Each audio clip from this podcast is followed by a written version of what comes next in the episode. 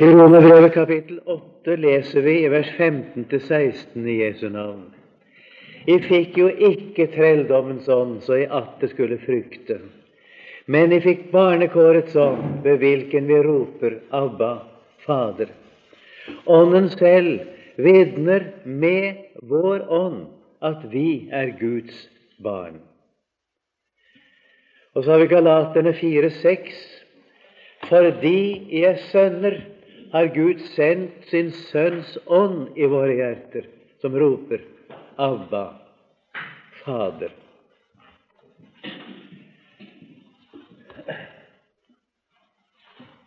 Det begynner altså vers 15 med å si I fikk jo ikke trelldommens ånd. Her er tale om en ånd som Gud ikke har gitt oss, som vi altså ikke har fått. Hva er det for en ånd? Det er altså trellesinnet. Trelldommens ånd betyr den ånd som består i trelldom, og som samtidig virker trelldom. Begge deler betyr det.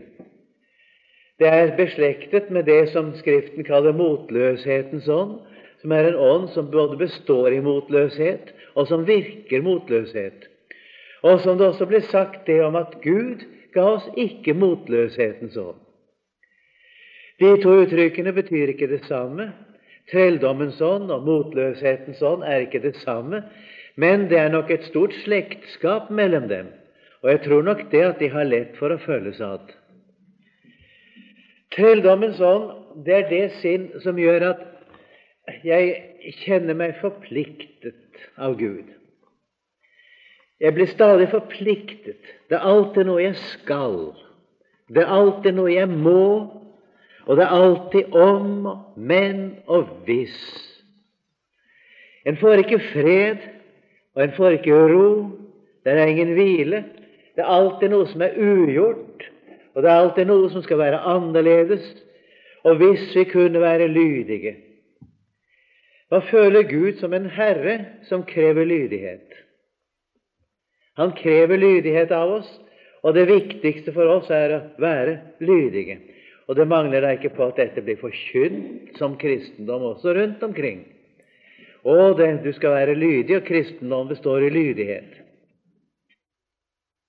Det aktualiserer seg for en ærlig kristen i spesielle situasjoner når han hadde særlig bruk for å se på Jesus. Så blir ordet om Jesus overskygget av trellesinnet i oss.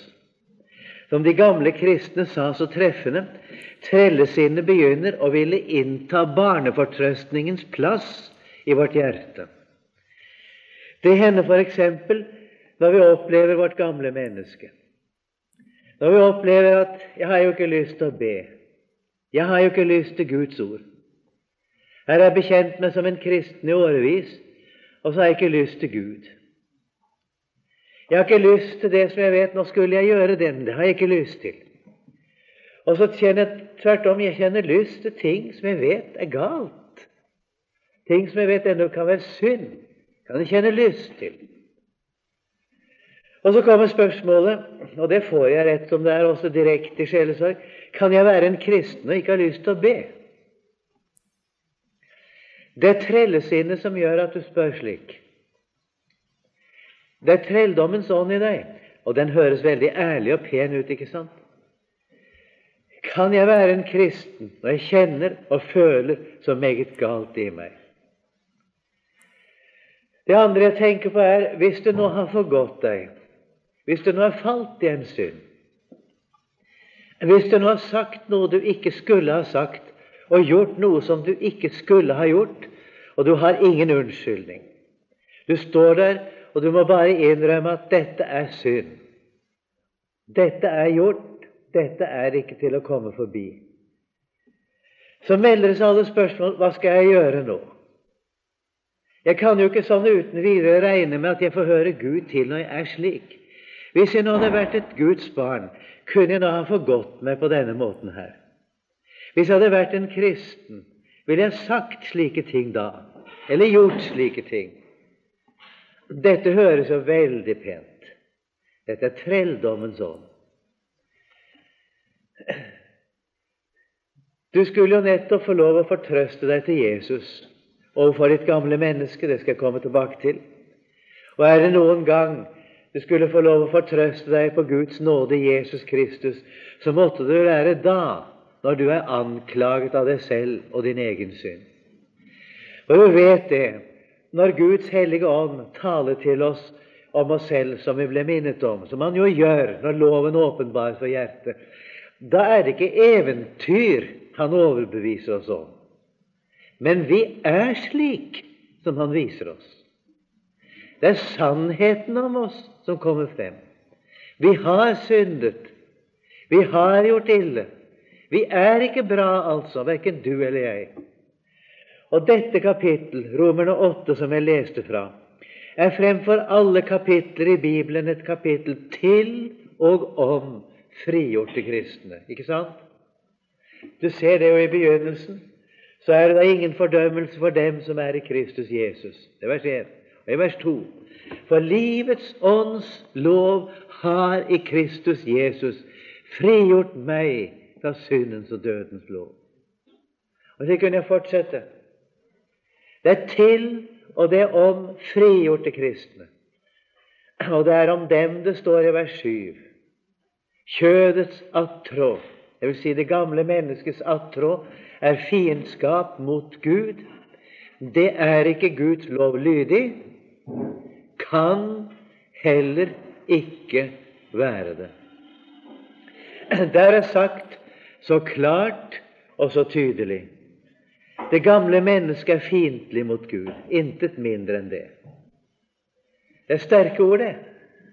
At jeg min, i min natur er Guds fiende. Og at jeg ikke er Guds lov lydig, det er så. Men at jeg heller aldri kommer til å bli noe annet i mitt kjød, i mitt gamle menneske. Dette har Gud sagt deg på forhånd. Når du da opplever at du har dette gamle mennesket i deg, for det har du efter du har blitt et Guds barn, må ikke du komme og spørre ja, men kan jeg være en kristen når jeg kjenner ulyst til å be? Kan jeg være en kristen når jeg ikke har lyst til Guds ord? Kan jeg være en kristen av den slags fristelser som jeg har? Ja, hvem tror du egentlig du er? Tror du at du er bedre enn andre? Hva gir deg grunn til å tro det? Det er én ting du skal vente og det er alt mulig galt av deg selv. Du skal ikke vente noe godt av deg selv. Ja, men kan jeg være en kristen da, spør du. Dette at du stadig kjenner som et krav at du skulle ha vært annerledes, er trelldommens ånd, det. Den skaper angst. De fikk jo ikke trelldommens sånn så at de skulle frykte. Og det ordet 'frykte' det betyr egentlig bli angst bli redde. Hva angst er, det vet vår tids menneske litt for godt. Angsten er meget utbredt i vår tid. Den frykt som skaper uro, som gjør menneskelivet uhyggelig og vanskelig, den kjenner vi til i dag. Den følger med trellesinnet. Dette at du kjenner at 'jeg skulle jo være annerledes', 'jeg burde jo bli lydig', jeg burde ta meg sammen. Jeg burde våge å be. Og, ja, i hele tatt, det burde være annerledes.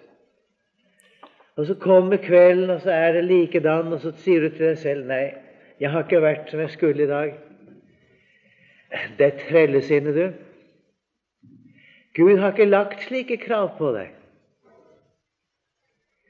Hør nå dette. Jeg fikk jo ikke trelldommen så. Det står med rene ord Gud har ikke gitt deg dette. Gud har ikke lagt dette over deg. Det høres så ærlig, det ser fromt ut menneskelig talt, og det stemmer godt med naturlig menneskelig religiøsitet. Men Gud har ikke gitt deg det. Det sitter i din medfødte natur, det, og det understøttes på det kraftigste av djevelen. Han er veldig interessert i at vi skal gå under en sånn kravmentalitet, under en sånn lydighetsmentalitet. Og huske på det at nå må vi være lydige, og nå må vi ikke glemme det, og nå må vi huske på det, osv. Dette har du ikke fått. Gud være takk og lov for det. Jeg glemmer ikke da det første gang gikk opp for meg. Gud har ikke gitt meg dette. Denne kravmentaliteten, denne tvangen som gjør meg så engstelig, og som gjør at jeg går under sånne permanente krav og forpliktelser, den kommer jo ikke fra Gud. Det er en ganske annen ånd som kommer fra Gud. Vi fikk barnekårets ånd, står det, ved hvilken vi roper Abba, Fader. Barnekårets ånd betyr den ånd som følger med barnekåret. Det betyr ikke den ånd som er en betingelse for å være Guds barn, men den ånd som følger med at den er blitt Guds barn. Om vi skulle si det sånn en virkning av at den er Guds barn. Du ser det, det var derfor jeg leste også Galaterne 4,6. Fordi Er sønner, har Gud sendt sin Sønns ånd i våre hjerter, som roper Abba, Fader. Du er altså ikke Guds barn fordi du har Guds ånd, men du får Guds ånd fordi du er Guds barn. Ja, men hva er da betingelsen for å være Guds barn, spør du. Det er bare én betingelse, og det er at det ikke er noen betingelse. Det er ingen betingelse satt for deg for å være Guds barn. Det heter uforskyldt av Hans nåde ved forløsningen i Kristus Jesus i Romerne 3, 24 følgende. Det står i ungdomsoversettelsen, som jeg har nevnt tidligere der, 'kjent rettferdig uten å ha fortjent det'. Her er tale om noe som blir gitt til dem som ikke skulle få det hvis det hadde gått etter fortjeneste. Evangeliet er budskap om noe jeg får uten å ha fortjent det. Det er budskap om det jeg får uten betingelser. Det er det ubetingede løftet som er evangeliet. Jeg blir Guds barn ved troen på Jesus Kristus, sier Guds ord. Det står også i Romerne 3, 22 jeg taler om den Guds rettferdighet som er åpenbart uten noen lov, altså uten noen betingelser vi skal oppfylle. Det vil si Guds rettferdighet ved troen på Jesus Kristus. Altså det øyeblikk du tar din tilflukt til Jesus, har du den. Ikke før du tror, heller ikke hvis du opphører med å tro, men hele tiden er det ved troen på Jesus Kristus. Og den er for alle, og over alle som tror. De blir rettferdiggjort uforskyldt, står det altså nedenfor da, av Hans nåde ved forløsningen i Kristus Jesus. Jesus har kjøpt oss fri fra våre synder. Jeg er forløst fra mine synder ved Jesu blod. I Efeserne 1,7 står det jo slik som vi gjentatte ganger siterer her, i hvem vi har forløsningen ved Hans blod, syndernes forlatelse efter Hans nådes rikdom. Syndernes forlatelse gis for intet. Den gis uforskyldt. Det er ikke stilt opp noen betingelse for å fordele syndernes forlatelse. Det er ikke satt noen betingelse for at du skal være Guds barn, utover det at du hører dette uten å gjøre motstand mot det. Guds nåde kommer til deg et budskap. Det kommer ikke gjennom løse luften. Det kommer ikke dalende inn i ditt hjerte som en følelse. Det kommer ikke plutselig noe over deg, noe ubestemmelig som du ikke kan forklare. Det kommer i et budskap, i tilsagn og løfter som Gud skjenker og gir i sitt eget ord. Dette å kunne tale fortrolig med Gud når vi er i nød. Det er meningen vi skal kunne tale fortrolig med Gud når vi har det vondt. Og det kommer så tydelig frem her i Romerne 8,15. Det står altså 'I fikk barnekårets ånd', dvs. Si den ånd som følger med barnekåret. Fordi du er Guds barn ved troen på Jesus, så får du den ånd som følger med. Og så står det 'ved hvilken vi roper'. Og der er det brukt 'roper' i nød, altså. Det er jo to slags ord for å rope. Det er et slag som man bruker når man er glad. Man jubler i glede, ikke sant? Man roper i glede. Det heter å juble på norsk. Rope i fryd. så har vi et ord som man bruker når man er i nød. Da skriker man om hjelp. ikke sant? Og det er det siste som er brukt her. Det står egentlig det. Vi fikk barnekårets ånd ved hvilken vi roper i vår nød. Abba, Fader. Vi roper når hjertet har det vondt, når hjertet er beklemt. betyr det egentlig. Når det er noe som klemmer oss, noe som trykker oss. Når du anklages for dine synder, når du anklages for alt hva du er i deg selv, da skal du få tale fortrolig med Gud. Nettopp da. Det er Guds mening. Det er frelsesvissheten, det. Du skal vite at du er Guds barn. Gud sier det i sitt ord, det som vi skal komme tilbake til igjen nå. Det er ikke noe om men og hvis eller muligens. Du får lov å tale fortrolig til Herren når du har det vondt.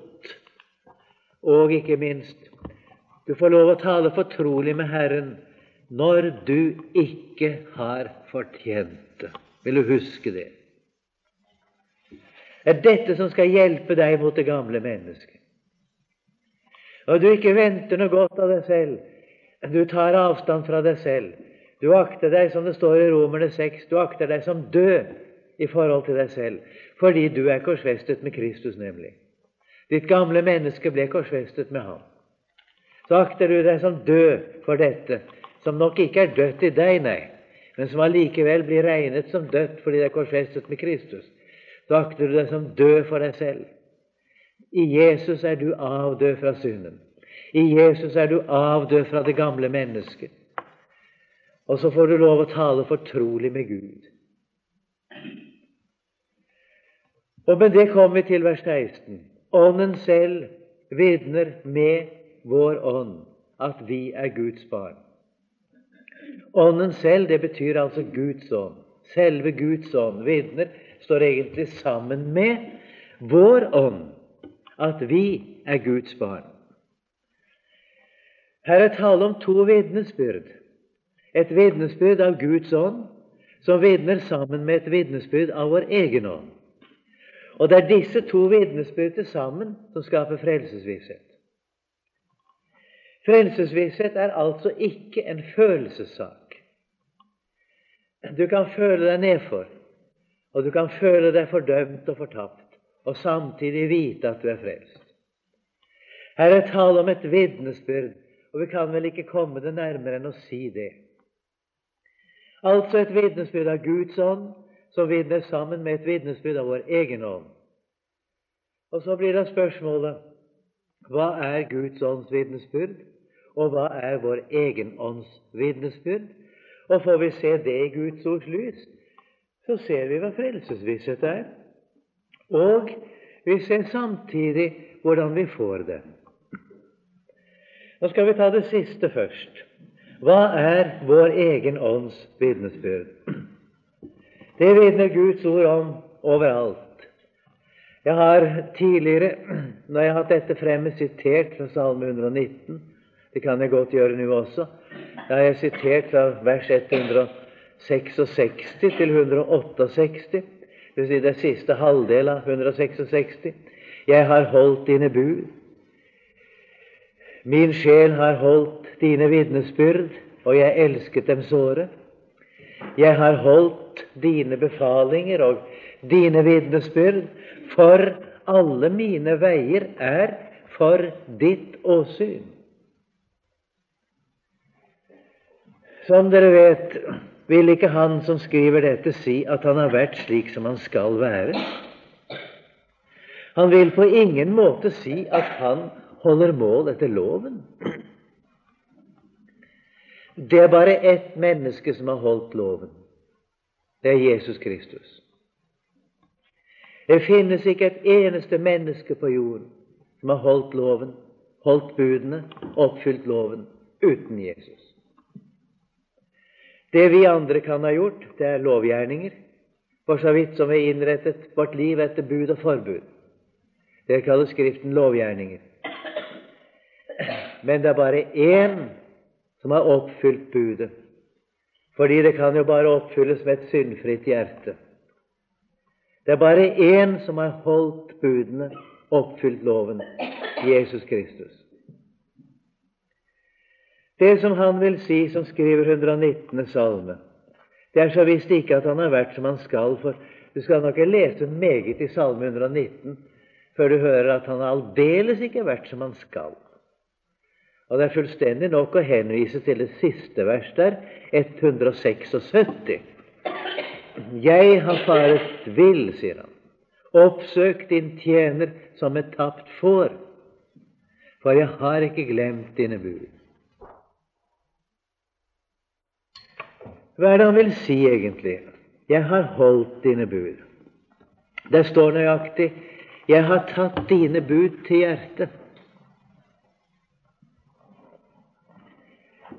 Det er det han vil si.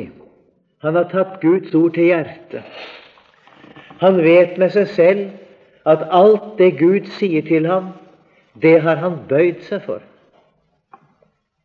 Enten Gud taler til ham om synd, altså i loven, eller han taler til ham om frelsen i evangeliet, så vet han med seg selv alt Guds ord, det har han bøyd seg for, og det bøyer han seg for. Så lenge et menneske står Gud imot, så vet han det. Og jeg tenker du har kjent til det. Men fra det øyeblikk et menneske bøyer seg Jeg sier ikke at du kan seire over deg selv. Jeg sier ikke at du kan forandre på deg selv.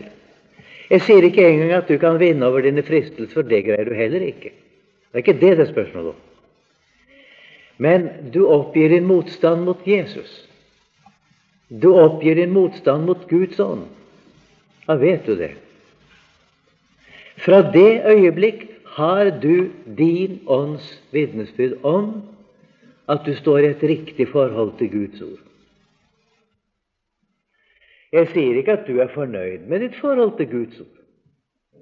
Jeg sier ikke at du får tak i det slik som du gjerne vil, og at du makter å tilegne deg det slik som du vil. Det sier jeg ikke, for det gjør du ikke. Men jeg sier allikevel du står i et riktig forhold til Guds ord. Du gjør ikke motstand. Du vil at Gud skal tale til deg om din synd. Ja, du er redd for at Han ikke skal gjøre det. Du er redd for at du skal bedra deg selv. Og du vil fremfor alle ting at Gud skal tale til deg om frelsen.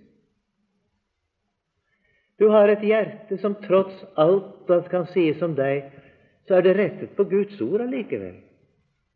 Om du kommer til kort overfor dette ord, så vet du dog med deg selv du står ikke imot lenger. Det er din ånds vitnesbyrd. Til å begynne med så virker det som frelsesvisshet med det samme en bøyer seg for Gud. Det er sånn en usigelig lettelse når en vet det at nå står ikke Gud imot lenger. Men en oppdager nok snart at det er ikke noen virkelig frelsesvisshet. For at det skal bli frelsesvisshet, trenger vi et vitnesbyrd til. Et vitnesbyrd av Guds ånd, som vitner sammen med dette vitnesbyrdet av vår egen ånd. Og dermed kommer vi til det andre. Hva er så Guds ånds vitnesbyrd? Ja, det har Jesus sagt direkte i Johannes 15, 26. Når talsmannen kommer, som jeg skal sende dere fra Faderen, sannhetens ånd som utgår fra Faderen, han skal vitne om meg. Og Johannes 16, 14, han skal herliggjøre meg, for han skal ta av mitt og forkynne eder, osv. Det er underlig å se på vitnesbyrd i Skriften. Jesus han er selve vitnesbyrdet. Han er vitnesbyrdets innhold, og han er det store, troverdige vitnet. Vitnesbyrdets opphav. Dette ord er det som kalles vitnesbyrd i Skriften. For så vidt som dette taler om frelsen, ja, det kalles vitnesbyrd også om loven.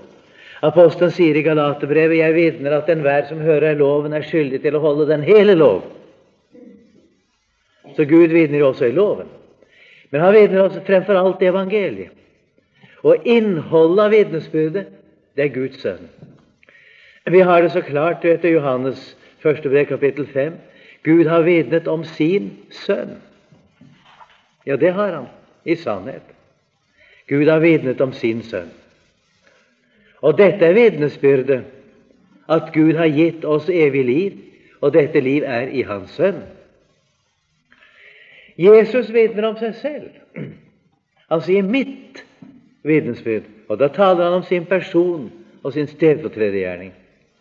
Han taler om hvordan Faderen har sendt ham til verden, for at like som Faderen har liv i seg selv, har han sendt sin Sønn til verden, for at den som tror på ham, skal leve ved ham. Det innholdet Johannes 6 jeg særlig sikter til nå. Og så står det om Den hellige ånd. Han vitner om Jesus. Og hør nå Åndens vitnesbyrd skal inn i ditt og mitt hjerte. Det skal inn der. Det skal tale inn i ditt og mitt hjerte. Men det oppstår ikke i ditt og mitt hjerte. Og det er her så mange gjør feil. De leter etter Åndens vitnesbyrd inni sitt hjerte, men der kan du ikke finne det. Det er meningen at det skal inn dit, men du finner det ikke der. Hvor finner du det hen? I evangeliet finner du det. Han skal vitne om meg. Du skjønner at Åndens vitnesbyrd er et annet navn på evangeliet. Ordet om Jesus, det ord som Den hellige ånd vitner om Jesus, forteller at Jesus har kjøpt deg fri fra din synd. Din synd er tatt bort. Din synd stenger ikke mellom Gud og deg lenger. Jesus har båret den vekk. Se, det er Guds lam som bærer vekk verdens synd. Han tok det bort, det han naglet til korset, det skyldbrevet som anklager oss. Det er utslettet, det er borte. Dette forteller Guds ånd meg. Men da må jeg se på Guds ord. Jeg kan ikke kjenne etter hva jeg føler, men jeg må se på Guds ord. Dette forteller Guds ånd meg. Gud sier da ganske meget om den som tror på Jesus. Det forklarer Guds ånd deg, ikke sant? Når du ser på dette, så kommer det inn i ditt hjerte et vitnesbyrd fra Guds eget ord at du er Guds barn fordi Jesus har frelst deg. Med sitt blod og med sine gjerninger og med sitt liv har Jesus frelst deg. Det vitner Guds ånd om. Nå vet jeg at jeg får høre Herren til. Så vil vi takke deg og prise deg for dette, Herre. At vi kan få lov å tale fortrolig med deg, du som er vår Far i himmelen, i Jesus Kristus. Fordi du har forløst oss fra våre synder i din egen Sønn. Fordi du har gitt oss rett til å be til deg i Hans navn og fordi du har tatt på deg å sørge for oss i enhver henseende, og tatt det på deg å føre oss frem til vi når målet i ditt fullkomne rike. Amen.